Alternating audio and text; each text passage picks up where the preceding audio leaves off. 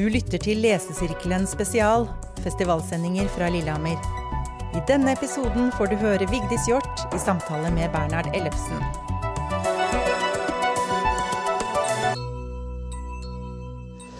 Hjertelig velkommen til eh, dette arrangementet som har tittelen 'Nordisk mestermøte' her på litteraturfestival på Lillehammer.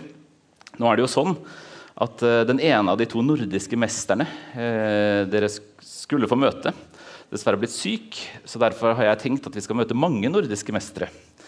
Uh, men i bare én i levende live, da. Og det er deg, Vigdis Hjorth. hjertelig velkommen. Takk. takk.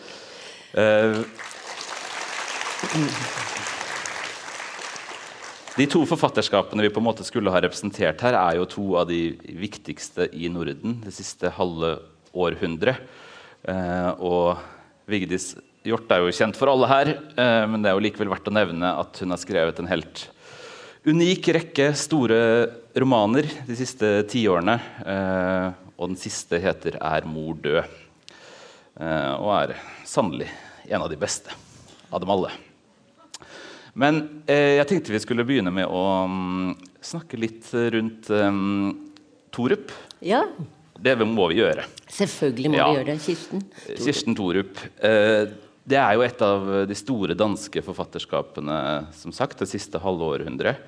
Av en veldig sterk generasjon også. Det kan vi komme litt tilbake til. men hvis vi holder oss på Torup først. Jeg synes Det er ekstra interessant på en måte at hun har fått et slags andre, tredje, fjerde gjennombrudd de siste årene. Og kanskje særlig i Norge, med de to seneste romanene 'Erindring om kjærligheten' og 'Inntil vanvidd, inntil døden'. Førstnevnte vant til og med eh, Nordisk råds litteraturpris. Og samler opp i seg tror jeg, mange torupske motiver, uten at jeg er eh, Torup-forsker. Eh, hva tenker du om Torups forfatterskap sett nå? Det er, jo, det er jo sent i forfatterskapet, men det er også helt på høyden.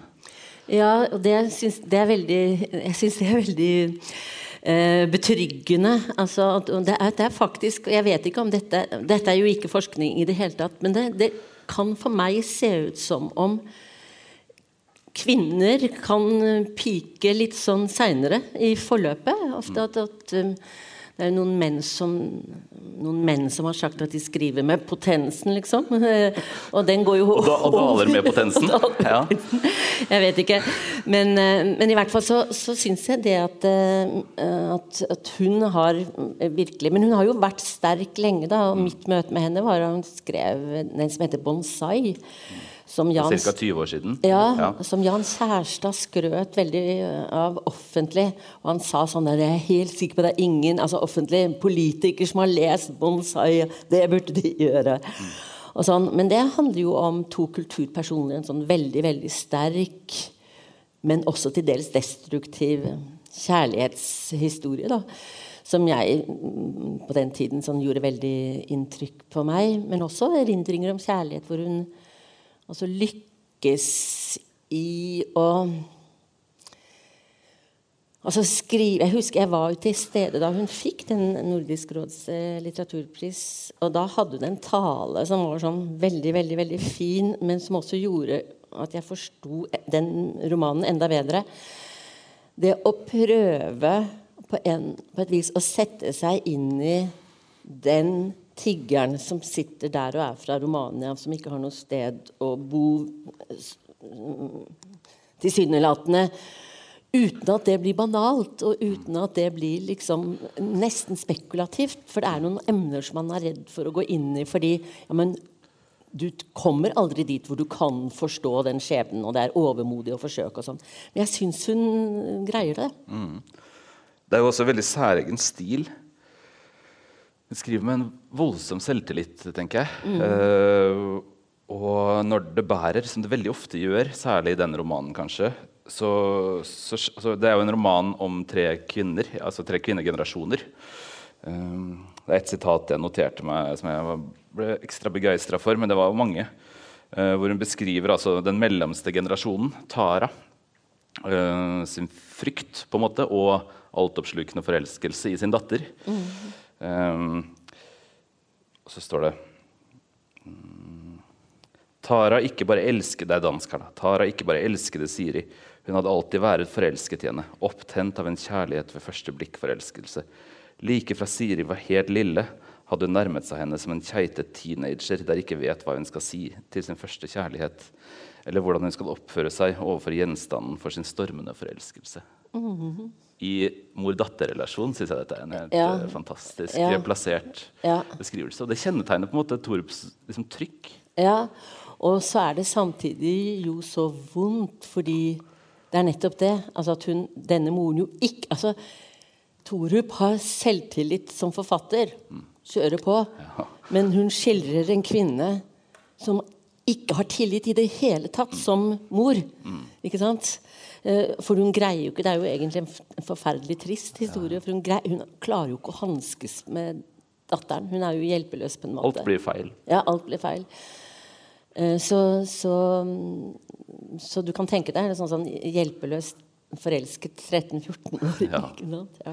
Jeg tenkte på også dette med generasjonen hun kommer fra. Det er jo særlig et par andre forfattere i den, i den generasjonen som gjør noe av det samme, og som jeg også tenker har veldig sterke scenefaser. Eh, den ene er um, Knut Smærup Sørensen. Kjenner ikke den. Han har skrevet en bok som heter 'Merkedage', særlig i 2007-2008. Den, Å, ja. den, den er også veldig god. eh, Og Vibeke Grønfeldt, Ja. som har skrevet mange romaner, Ja. eh, også sent i fartskap. Og som også har, alle tre har dette til felles. At de føles veldig sånn sentraleuropeiske i det her at de tar den store historien og liksom manifesterer den i de små menneskelivene. Det er jo en av litteraturen, litteraturens store manøver. ikke sant? Thomas Mann-romanen.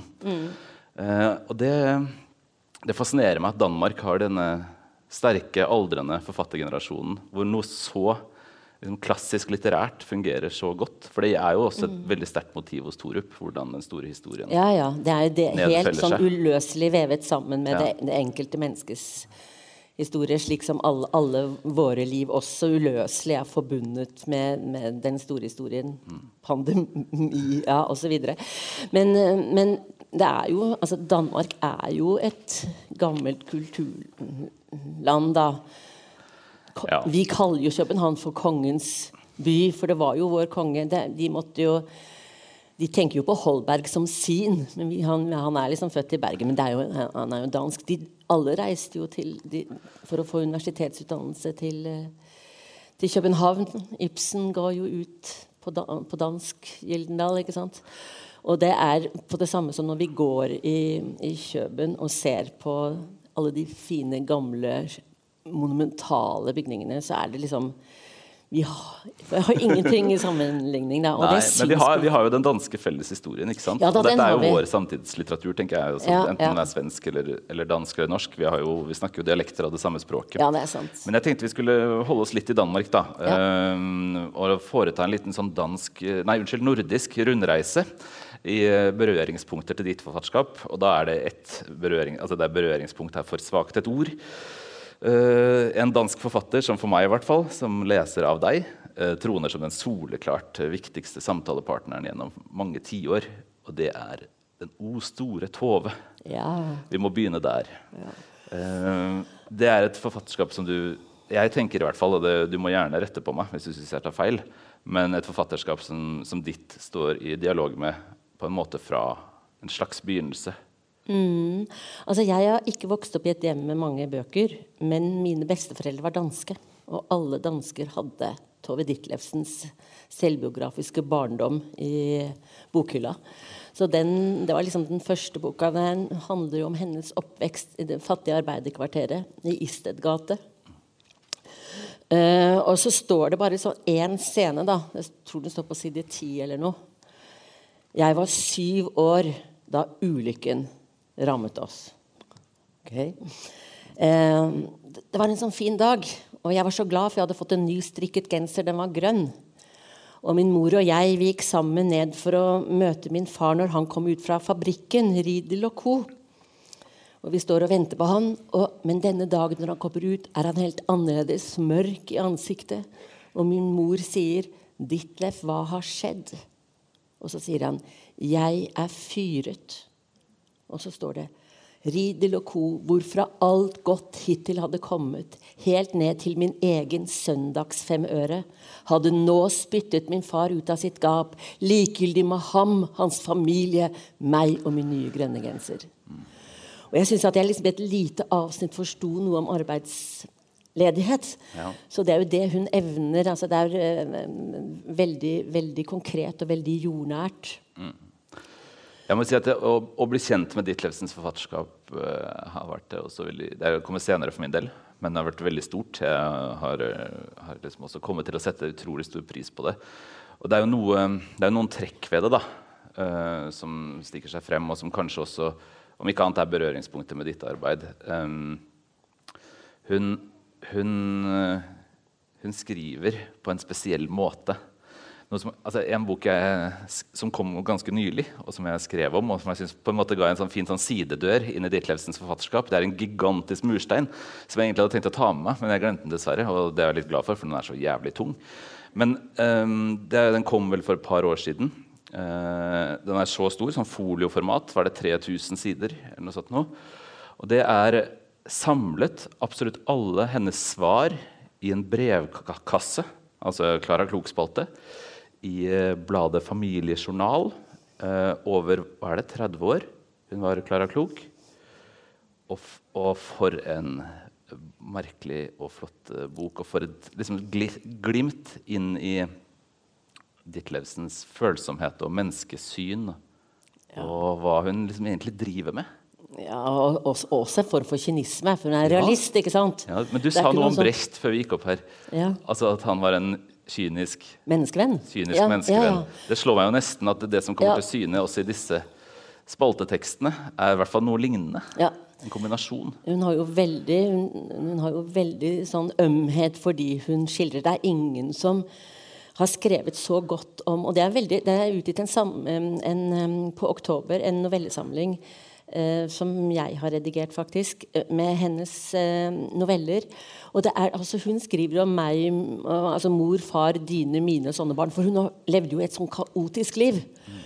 Så den der med, og det å reise fra den ene til den andre og treffe en stefar eller stemor som er grei eller ikke grei, eller plutselig miste de igjen altså Alle de som vi lever midt oppi nå, de erfarte hun på egen eh, kropp. Og for ikke å snakke barna hennes. da.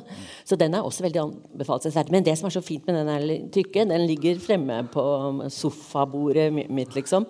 Og det er at du, kan, du bare kan bla i den, og så kan du le deg i hjel. Ikke sant? Ja, ja, ja. Og så er det en, en, pike som liksom på en måte sånn, sånn Å, jeg klarer ikke la være å liksom gå ut og så er sammen så mange menn og sånn. Det er jo ikke helt riktig. Og sånn, ikke sant?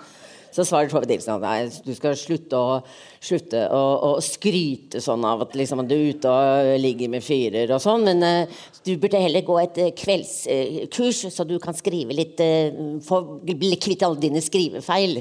Ikke sant? Jeg skriver sånn. Ja, ja, ja. ja hele, hele tiden.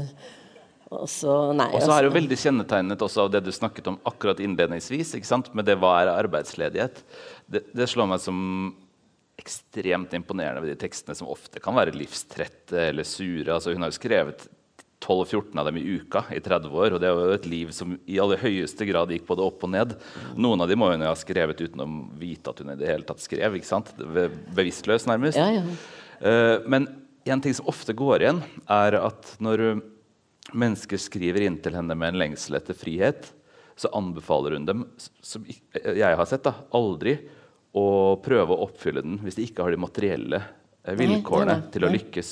Hun, hun, det er ikke eh, romantisk. Hun, hun, det, en, det, blir jo hardt, da. For det er en som sier liksom 'mannen min slår meg', jeg vil gå fra han. Og da spør hun jo på en måte 'har du råd til det', da? Ja, ja, ja. Eh, men det er jo en realitet. En, en, klassefølsomhet og et sånt verdenssyn i det. Ja. Nei, altså, det er jo en, kvinne, en ung kvinne som skriver Og jeg har møtt min store kjærlighet, men jeg har fire barn med den en, en mann. Og så er jeg gravid, men jeg tror det er med han nye. Men han har to-tre barn. Sånn, sånn. Så bare sier sånn eh, Bare glem det. Glem det, liksom. Det blir, eh, hvor, mange er det involvert? Hans kone, sånn, sånn, sånn. Til sammen ni barn. Det er ikke verdt det. Og det kommer til å gå til helvete med alle de barna. Helt usentimental. Ja. Uh, Hun har selvfølgelig rett også. Ja, ja. Når vi nå har uh, svirret litt rundt i det Ditlevsenske, så tør det jo fremgå noen uh, liksom, grunner da, til at du kan ha sett med dette forfatterskapet med sympati. Og kanskje en viss gjenkjennelse eller, eller ja. noe sånt. Ja, hun, men hun, jo også, hun, har jo også en sånn fascinerende persona, da. Mm. Si litt om den. Ja, og det, og det fikk hun liksom veldig, veldig fort. Altså hun var, det, altså å skrive for en arbeiderjente som henne var sånn. Men hun, hun hadde noen dikt. da, Det første diktet het 'Mitt døde barn'. ikke sant, og skrev noe sånn. Og sånn ikke sant, Alle tror hun hadde mistet et barn, men det hadde hun jo ikke. Men så sendte hun det til det som heter Vill hvete. Nå er det 17, 18, 19 år, eller noe, og de tar det inn, og så møter hun da redaktøren, som er da 60-70. Og så gifter hun seg med han. Og så sier hun rett ut når hun får et blad Nei, for jeg vil opp og frem i verden. og, hun ha, og, hun vil ha, det rommet hun kan skrive i. Det får hun. Men da, da blir hun jo sammen med Pete Hine på en sånn affære, med han. ikke han. Og jeg husker da det var bokmessig i Sandvis her for 100 år eh, siden. Så var Pete Hein der på sine gamle dager, og jeg var så opptatt av han pga. Tove Ditlevsen. Du har jo, Hun var jo død for lengst. 'Du har jo vært sammen med Tove Ditlevsen', sier jeg. Liksom sånn. Går hun rundt og sier det enda?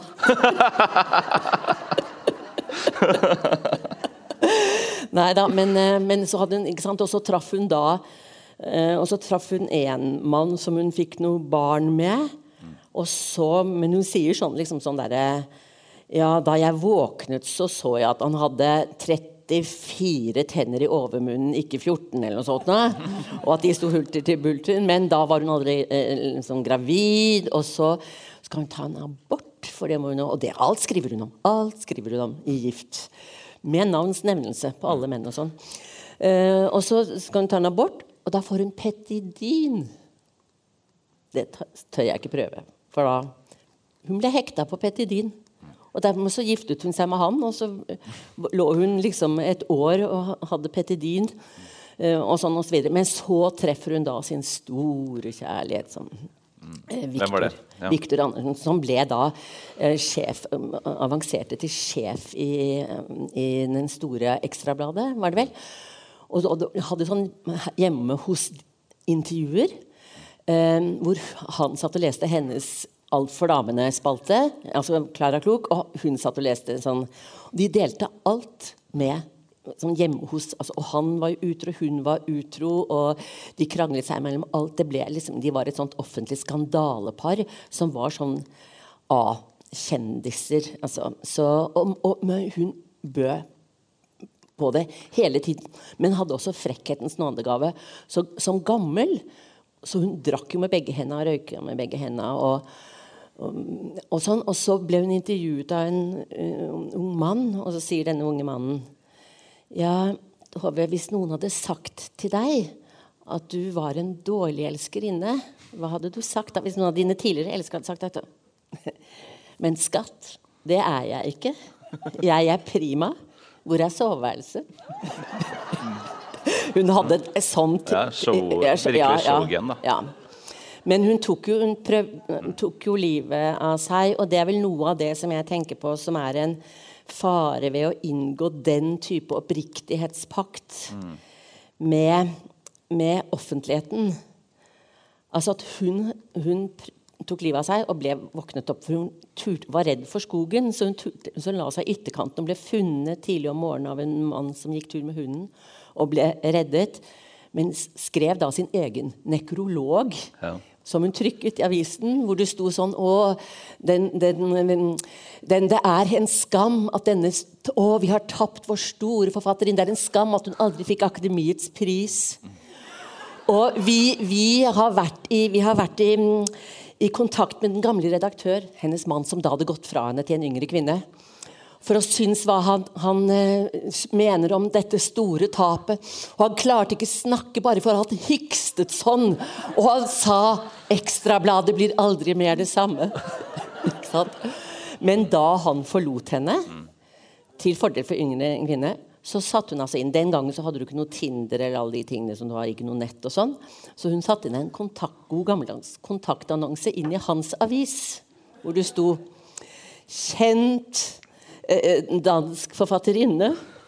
Fra, forlatt etter 20 år. Ønsker nytt, ny kjærlighet. Gjerne bilist.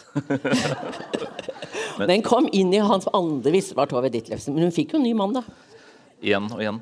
Ja. Eh, hvis vi skal bare runde litt av med Ditlevsen eh, For det første så er det jo det med at det, hun, hun Det er denne skjøre kontrakten, som du sier. Og hun hadde en Det er ulike måter å være kompromissløs på. Jeg tenker på deg som en kompromissløs forfatter, men ikke på den samme måten. Uh, hun, hun, inngikk en annen type kompromissløshet som på en måte etterlot henne veldig lite rom selv. Ja, uh, hun, ga, hun, ga, på en måte likevel bort for mye. Ja, hun, altså hun måtte altså, eh, Hun sa jo offentlig når hun snakket om selvmord Det er, er, opplagt at det er den måten jeg skal dø på. Mm. Kunne ikke la være, da. Altså, hun ble jo fanget av sitt eget Kunne ikke la være det. Det er jævlig bord å fange, bli fanget ja, av. Ja, veldig, altså.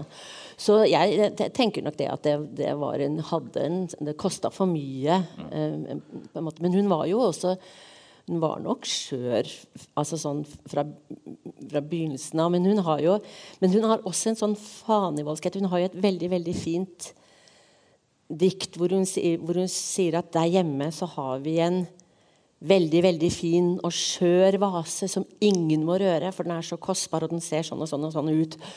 Og så en dag hvor hun er alene hjemme, og hører hun en stemme som sier 'gjør nå noe riktig galt' når, du er alene. Og hun, og hun er så spennende fordi hun ikke må. Og så gjør hun det. Og slipper den. ikke sant? Og den knuser. Og alle engler vender seg og gråter. Så hun hadde nok noe sånn destruktivt i seg helt sånn fra, fra, begynnelsen av. Og bare det å gifte seg med en så gammel mann, selv om du vil fram i verden, er jo noe destruktivt ved det, tenker jeg. Absolutt. Hun, men sti, stilen hennes, veldig, altså den litterære stilen, er veldig særegen. Og den har jo også holdt henne utenfor uh, liksom høylitterær anerkjennelse. Mm. Uh, hun, som du, uh, leker ofte med små sånne pikeaktige vers og rim. Hun, diktene hennes kan noen ganger ligne det. Mm. hvis man leser dem med et halvt øye. Mm. Men de er det ikke. de er virkelig levende. Men de har en sånn naivitet over seg. Hun, hun er opptatt av liksom ja, nesten sånn som de som skriver inn til henne i brevkassen. 'Unnskyld skriften', ikke sant? Mm. Uh, og så videre. Uh, det er noe en, altså Når man nå ser i hvert fall jeg da, leser det og på en måte tar det for gitt som god litteratur, så syns jeg at hun åpner et rom da, for noe som er tilsynelatende enklere og mer rett frem og uredd. Skrive om følelser på en måte hvor følelsene er, det de er hvor sårbarheten er den sårbarheten den er. Den er veldig ufiks. en vilt, sånn, altså vilt langt unna modernisme og alt som var ja. dominerende estetiske tendenser i hennes samtid. Og det, det, er jo også noe som det kan føles som eh, Kanskje du for eksempel, eller andre altså kan ha fått en at det er en åpning da, til å skrive på en litt annen måte etter Ditlevsen? Ja, også, hun ble jo kalt av da, sin samtid for lyrikkens barpianist. Mm. ikke sant? At det rimte, det sang ja. fint og sånn. Eh, og, det, og, hun, og, hun, har jo prøvd noen ganger å skrive Jeg tror hun har et par diktsamlinger som er mer modernistiske, som ikke er på langt nær så, så um, inspirerende, i hvert fall for, for meg. da. Men tenk på det, en setning som f.eks. hun står og ser 'Mitt hjerte hamrer og hamrer'. Jeg, jeg, sitter og ser på at han danser med en annen. Og så står det at, Men lidelsen er en lenke som bringer den magiske vellyst lykken aldri kan skjenke. Det er den destruktiviteten igjen, da. Men, men det at lidelsen ja. er en lenke som, som, bringer den magiske vellysten i lidelsen, som lykken aldri kan skjenke, det er nok en veldig sentral setning i i forhold til hennes, hele hennes liv. Og sagt jeg. på en måte som er veldig sentral for hennes form. Ja, ja, nettopp, nettopp. Jeg tenkte vi skulle spinne innom en danske til. Litt kortere, men ikke mindre viktig akkurat. Um, en, um, en, uh, forfatter og filosof som f.eks. spiller en uh, sentral rolle i 'Leveposttornet', og som vel gir den til og med tittel. Mm. Det er Søren Kirkegård. Mm. Uh, I samme by, Kongens by, eh, noen hundre år eh, tidligere. Um, han har jeg hørt deg snakke om flere ganger. Og han synes, hans bøker synes jo både å være sentrale for noen altså Du bruker dem rett og slett eh, når du skriver noen ganger, altså, f.eks. i Levepostordene. Men også at det, det er, har vært eksistensielt viktig eh, for deg. da. Mm. Kan du si litt om Kirkegård langs de to sporene? holdt jeg på å si? Ja, jeg kan jo si altså, at eh, jeg begynte, Da jeg begynte på idéhistorie, så var det fordi det var et fag som reklamerte sånn for seg selv i universitetets brosjyrer. Lurer du på hvem du er, og lurer du på hvorfor du er her? Du gjorde det? Jeg lurer på begge deler. ja. Så begynte jeg på der, og så ble jeg pålagt å lese 'Filosofiske smuler' av Søren Kirkegård. Um, og det gjorde jeg, men jeg skjønte ingenting liksom, av det. Jeg leste en som heter Sløk, Johannes V. Sløk, om han. Jeg husker at jeg satt på et fly tilbake fra New York og leste. Så leste jeg om spissborgeren. Og spissborgeren er jo det mennesket som bare følger alle samfunnets anvisninger på alle mulige ting. Har en følelse av at hun velger eh, liksom arbeid, jobb, ektemake Men egentlig følger bare den slagne alt sammen. Og er en, et nyttig brikke i samfunnsmaskineriet som gjør hva samfunnsmaskineriet vil at hun skal um, gjøre en automat i bevegelse. klarer han. Og Jeg satt der og forsto at jeg var en spissborger. Det er hardt slag i transatlantiske mørke. Altså. Ja, og gift med en spissborger. Og hadde født tre spissborgerlige barn. Så jeg gikk hjem og uh, skilte meg. uh, og sånn. Men, men, men det er litt viktig å si det, fordi det høres sånn det er veldig, veldig, viktig å si at Hvis man da har oppdaget at man er spissborger, så sier Søren Kirke at da må man gjerne inn i et sånt estetisk stadium. Hvor man bare sitter og ler alle de andre spissborgerne som gjør alt og gifter seg. Det er liksom gifter seg og døper barna, alt sammen. Og det er tilbakelente, ironiske, eh, likegyldige, eh, indifferente mennesker. Og, og, det er jo estetikeren som sier 'gift deg, og du vil angre det'. Gift deg ikke, og du vil angre det. Gift deg eller gift deg ikke, du vil angre begge deler. Heng deg, og du vil angre det. Heng deg ikke, og du vil angre det. Heng deg eller heng deg ikke, du vil angre begge deler. Og bare ta for seg nytelser og reiser og sånn. Men det er jo ikke noe varig sted. Og da skisserer Søren Kirkegaard opp det etiske stadium. Og det er viktig å vite, fordi på overflaten så ser den, kan den e, e, etikeren eh, ligne på spissborgeren. For etikeren følger alle sine både familiære og samfunnsmessige plikter. Men det er med hvilken holdning. Og det er avgjørende. Og det er jo slik da at mens eh, spissborgeren han skiller seg ikke, for det skal man ikke. Det er derfor han ikke gjør det. Men han har jo Kirkegaard bruker han. Men han er jo blitt lei av sin kone som han finner kjedelig og blir tykk. og sånn, Men han skiller meg ikke, for det gjør man ikke. Mens etikeren, hvis han har lovet å elske og ære, så jobber han med saken fordi han tar seg selv og sin partner alvorlig. Og det er liksom den med holdningen. Han sier, sier et sted at det er så mange mennesker som bor i kjelleren hos seg selv. Enda det er ledig i de øvre etasjer.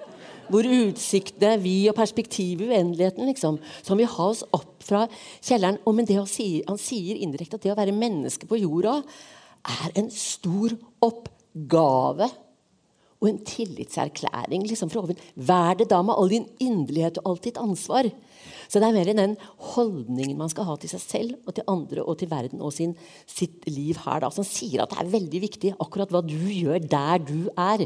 Eh, og at drømmen ikke er å liksom bli president i USA eller uh, rik, eller sånt, men å være akkurat der du gjør. Stor oppgave og stort ansvar. da.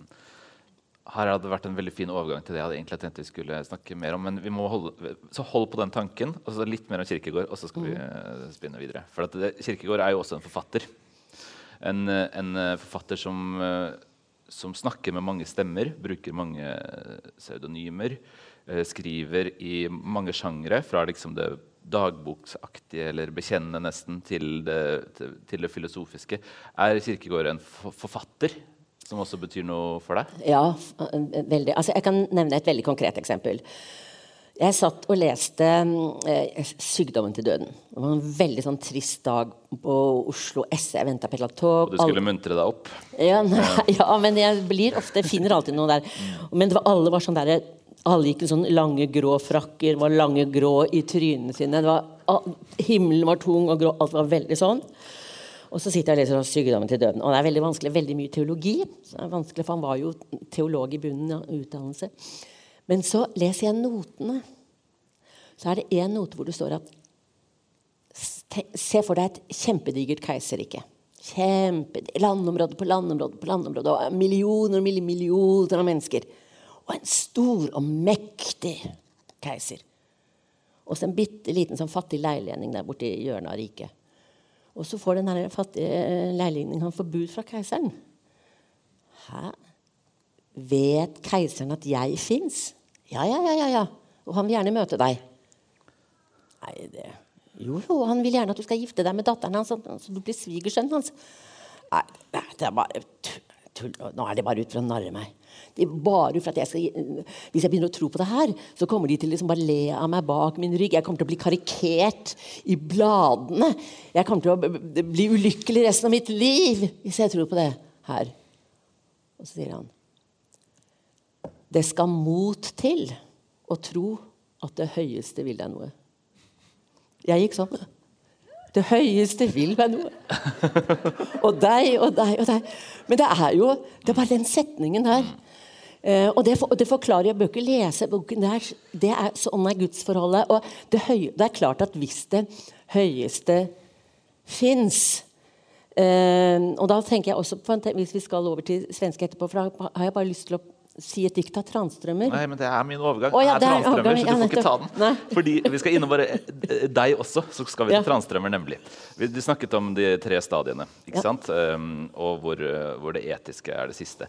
Det er jo mange av dine romanskikkelser som på en måte i ulik på ulik måte sneier innom disse, disse stadiene. En av dem um, er Hulla Kråkefjær i tredje person entall.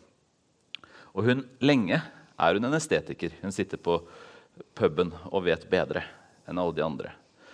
Men på slutten så øh, drar hun på en sånn øh, skikkelig spissborgerlig greie. En sydentur. Og, og, får vel en slags etisk åpenbaring, da.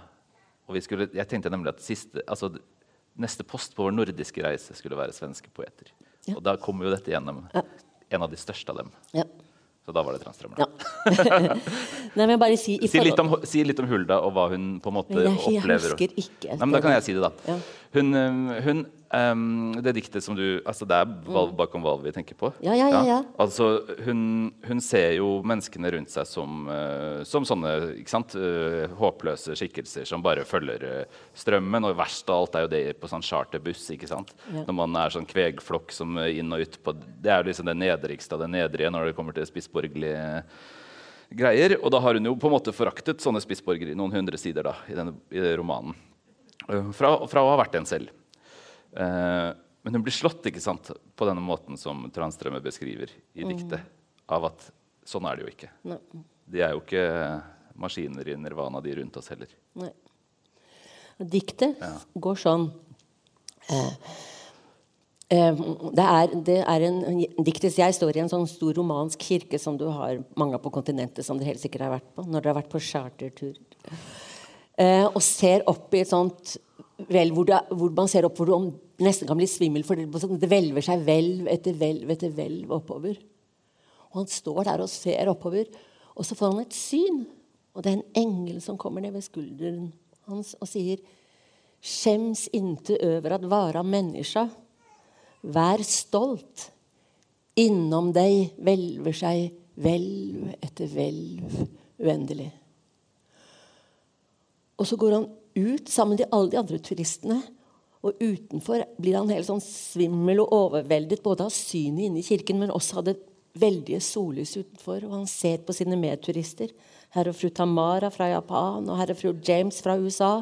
Og så står det 'Innom dem hvelver seg hvelv etter hvelv uendelig'. Og det er jo sånn vi burde se på, på hverandre. ikke sant? Og, og, det er jo det, egentlig. Og det, også, Søren Kirkegaard er jo veldig kjent for dette med han sier 'hin enkelte', da. Men svenske poeter ja, Hvis vi skal hoppe, hoppe til svenske poeter, da, så, så, er jo Transtrømmer eh, tenker jeg, Dette er jo et stort øyeblikk i en av dine uh, flotteste romaner, som du har plassert og, og skrevet opp mot, tenker jeg, uh, det, det, diktet. Og Transtrømmer har jo også en sånn vilje til visdom. Og, og, ikke sant? Han er uredd. da. Mm. Eh, og det er jo også noe som ofte kan være uh, usofistikert. Eller uh, Ja, du vet. Mm. Man skal liksom ikke gjøre det. Mm. Være vis. Men Transtrømmer er vis. Mm, men på en upretensiøs måte. Ja, ja. hvis du skjønner, Det er veldig lett å forstå. Mm. Men han står jo jeg tenker på, det står jo en arv Veldig sterk poetisk tradisjon. Da, men hvis du ser på f.eks. på svenske dødsannonser, mm så er det to vers som pleier å gå igjen. Uh, og det er skrevet av to samtidige, uh, Gunnar Ekeløf og Nils Ferlin. Men de var veldig forskjellige. Altså, Gunnar Ekeløf var jo fallert aristokrat. Uh, alkoholiker, eller alkoholisert. Han sier en veldig fin ting som jeg tenker på ofte. Han sier Det prøver jeg å leve sånn man, man, man, kan drikke mye, men ikke så mye. Han sier jeg, prøv, jeg, treng, jeg vil ikke være alkoholens slave, men jeg trenger dens tjenester. det er veldig fint. Men han det er, det er to ja. vers der, og Nils Ferlin var jo gammel sjø, sjømann og tømmerhugger, men også alkoholisert. da. Men det verset til Ferlin går sånn in, altså, I dødsannonse. Inte ens en grå liten fågel som sjunger på grønan kvist, fins på den andre siden, og det synes jeg nog er trist. Inte ens en grå liten fågel og ingen bjørk som står hvit. Men den juvaste sommerdagen har det hendt at jeg har lengtet dit. Apropos selvmordet til. Det kan stå på en som har tatt livet av seg. Altså, det er ingenting i døden, men livet kan være så vanskelig allikevel. Så, ja, og så, og så du, kan det i dødsannonsen understå dette lille verset. Og det, jeg tenker på det som er så fantastisk, er at de greier på fire linjer å si noe om sin egen livs- og dødsholdning. Da. Så kan det stå dette av Gunnar Ekelof. Liksom som den døde som snakker til den levende. Da. Du frågar hva jeg fins. Jeg fins bakom bergen. Det er langt, men jeg er nære. Jeg bor i en annen verd, men du bor jo i samme. Ikke sant? Det er bare det er ja, og da ja, Vi skal ikke snakke om Brecht, men jeg har bare lyst på å si dette med fire, fire linjer. Ja. Eh, så har jo Brecht en, uttrykker sin livsfølelse. da, Han sier Jeg sitter i veikanten og ser på at sjåføren skifter ut et hjul. Jeg liker meg ikke der jeg var. Jeg liker meg ikke der jeg skal. Hvorfor ser jeg på hjulskiftet med utålmodighet?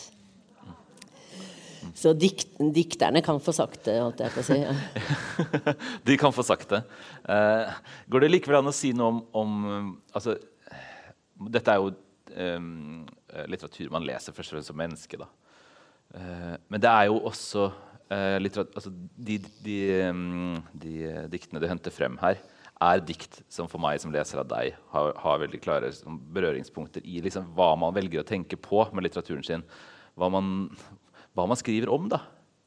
Um, hvordan spiller disse diktene en rolle for deg som ikke bare lesende menneske, men som forfatter av bøker som ofte har eh, ek sånne eksistensielle eh, dilemmaer? da. Uh, hvordan man skal leve. Hvem er jeg? Hvordan skal jeg leve livet mitt? Hvordan, hvordan, hvordan skal jeg utholde livet mitt? er disse poetene liksom Gjør de noe spesielt? Altså, vi har snakket om hvordan Ditlevsen og Kirkegård virker direkte inn. da og Transtrømmer så vidt. Hva tenker du? Nei, jeg, jeg, jeg tenker på altså at det, det, er av og til som om at jeg kan Jeg får sett, på en måte formulert noe jeg har ant uklart i meg selv. Mm. Og det kjennes både som en, på en, måte, en, en forløsning og en lindring eh, på et vis. da. Men, men der er det nok, altså, akkurat de diktene er nok mer sånn som minner meg på minner meg på å være til stede nå, her. altså Noe som egentlig kan si sånn litt selvhjelpsaktige greier når jeg skal begynne å si det. liksom. Men det er noe med sånn øh, øh, så, så så, men, men så vi, altså jeg tror nok jeg har rappa mye mer fra Tove Ditlevsen uh, i forhold til linjer og og sånne ting som glir bedre inn i prosaen. Uh, ikke sant? Men uh, Jeg kan for egen regning da, si at Transtrømer-åpenbaringen i tredje person entall er et eksempel på at det også går an. Ja, at det lykkes, da. Ja, men jeg har glemt at jeg gjorde det. skjønner du. Ja, ja, men jeg kan bistå hukommelsen, jeg. jeg tenkte at vi skulle ta en liten norsk stopp til slutt. Eh, og der er vel kanskje den nordiske mesteren, eh, som ikke er deg, da, mindre viktig enn deg, syns jeg. Men det er jo likevel at altså, i denne sammenhengen eh, Det er jo et poeng at din seneste roman forholder seg på et eller annet vis, som jeg på en måte får litt greie på, og litt ikke, til Arne Garborg. Mm hans bok 'Den bortkomne faderen'. Kan du si litt, altså, si litt om hva, hva du gjorde med den i 'Er mor død'? Og, hva, og så kan du kanskje hjelpe meg med å forstå den teksten litt, for den, den syns jeg er um, Den bortkomne faderen? Ja, for den, den føles eksistensielt fremmed. Ja, det kan jeg skjønne. Men, det, men altså, det handler jo om en som reiser til Amerika, som han gjorde på Garborgs tid. Mm. Um, og så kommer han hjem, men han kommer hjem for seint. Mm. Fordi eh, farsgården er solgt, og faren er død. Så det er på en måte en for sent. Men så prøver jo han jo liksom Dette er nesten en religiøs tekst, men bare det der å komme for sent for sent hjem, da, og den følelsen av at det kan bli for sent. Mm. Altså, øh, øh, det, det, er jo øh, og Der er det også snakk om to brødre. og Fordi Garborg i den er også mot religionen, så, så, leser jeg den også i lys av lignelsen om den bortkomne sønnen, som også titlen, eller sønnen, som tittelen eh, henspiller på. Uh, som dere kjenner selvfølgelig med altså den ene som får arven sin, og så reiser han bort og søler den bort, mens den andre sønnen er hjemme og hjelper faren med alle mulige ting. Og så kommer den bortkomne sønnen kommer tilbake. Og faren blir så glad at han, nå skal vi ofre gjøkalven og lage fest. Og så blir det helt grønn i trynet, han derre eh, Rembrandt har malt det. Ja. Her, jeg har vært der hele tiden og hjulpet deg med alt, om meg blir ikke laget fest for. ikke sant? Men det er jo fordi at her er jo faren skal representere Gud, som selvfølgelig tar imot alle sine villfarne barn for å si til alle at det gjør ikke noe om du har vært villfaren. Gud vil ta deg tilbake. Det er vanskeligere når det er mennesker det er snakk om. Og det lykkes jo da ikke i, i Garba i tilfellet mm, bortkomne faren. Han kom jo for, for seint. Men det er også noe at han prøver å finne Jesus via å snakke med broren sin og sånn. Du har jo da på en måte lånt det eh, noen av de aller mest konkrete bestanddelene i romanen. Altså, vi, har, vi møtte jo Johanna, som eh, nettopp har reist til USA. Ja. hun, hun, er kunstner og, og kommer, vender tilbake for sent. Ja, må bare si fort ja. at Ibsen har også skrevet om noen som reiser til USA. Og det er om, I Samfunnets støtter mm. så er det Eh, Dina Dorf. Det er fordi at man oppdager at disse som skulle feire, ha fanetog for samfunnets støtter, at de har jo beriket seg på, på allmennens bekostning, viser det seg i løpet av den tiden stykket varer. Og da gidder ikke Dina Dorf å gifte seg med den som hun var bestemt han skulle gifte seg med. Fordi nå gidder hun ikke høre på samfunnets støtte lenger, for de er ikke det. Uh, og så gifter hun seg med den hun elsker, og så reiser hun til USA. For um, sannheten og frihetens ånd, det er samfunnets eh, rette, riktige støtter. ikke sant? Så det er en blanding av, av, av Garborg og Ibsens USA-farere. da. Ja. Uh, jeg, vi, vi, har ikke så lang tid igjen. og det er ikke meningen at vi skal, altså Denne boken kunne vi jo selvfølgelig ha snakket om uh, i en helt egen sesjon. Men det, det er jo det er en, et moment da, jeg tenkte vi kunne unne oss å dvele litt ved før tiden uh, løper fra oss. og Det er altså at det er, sant, det er et langvarig fravær i denne boken.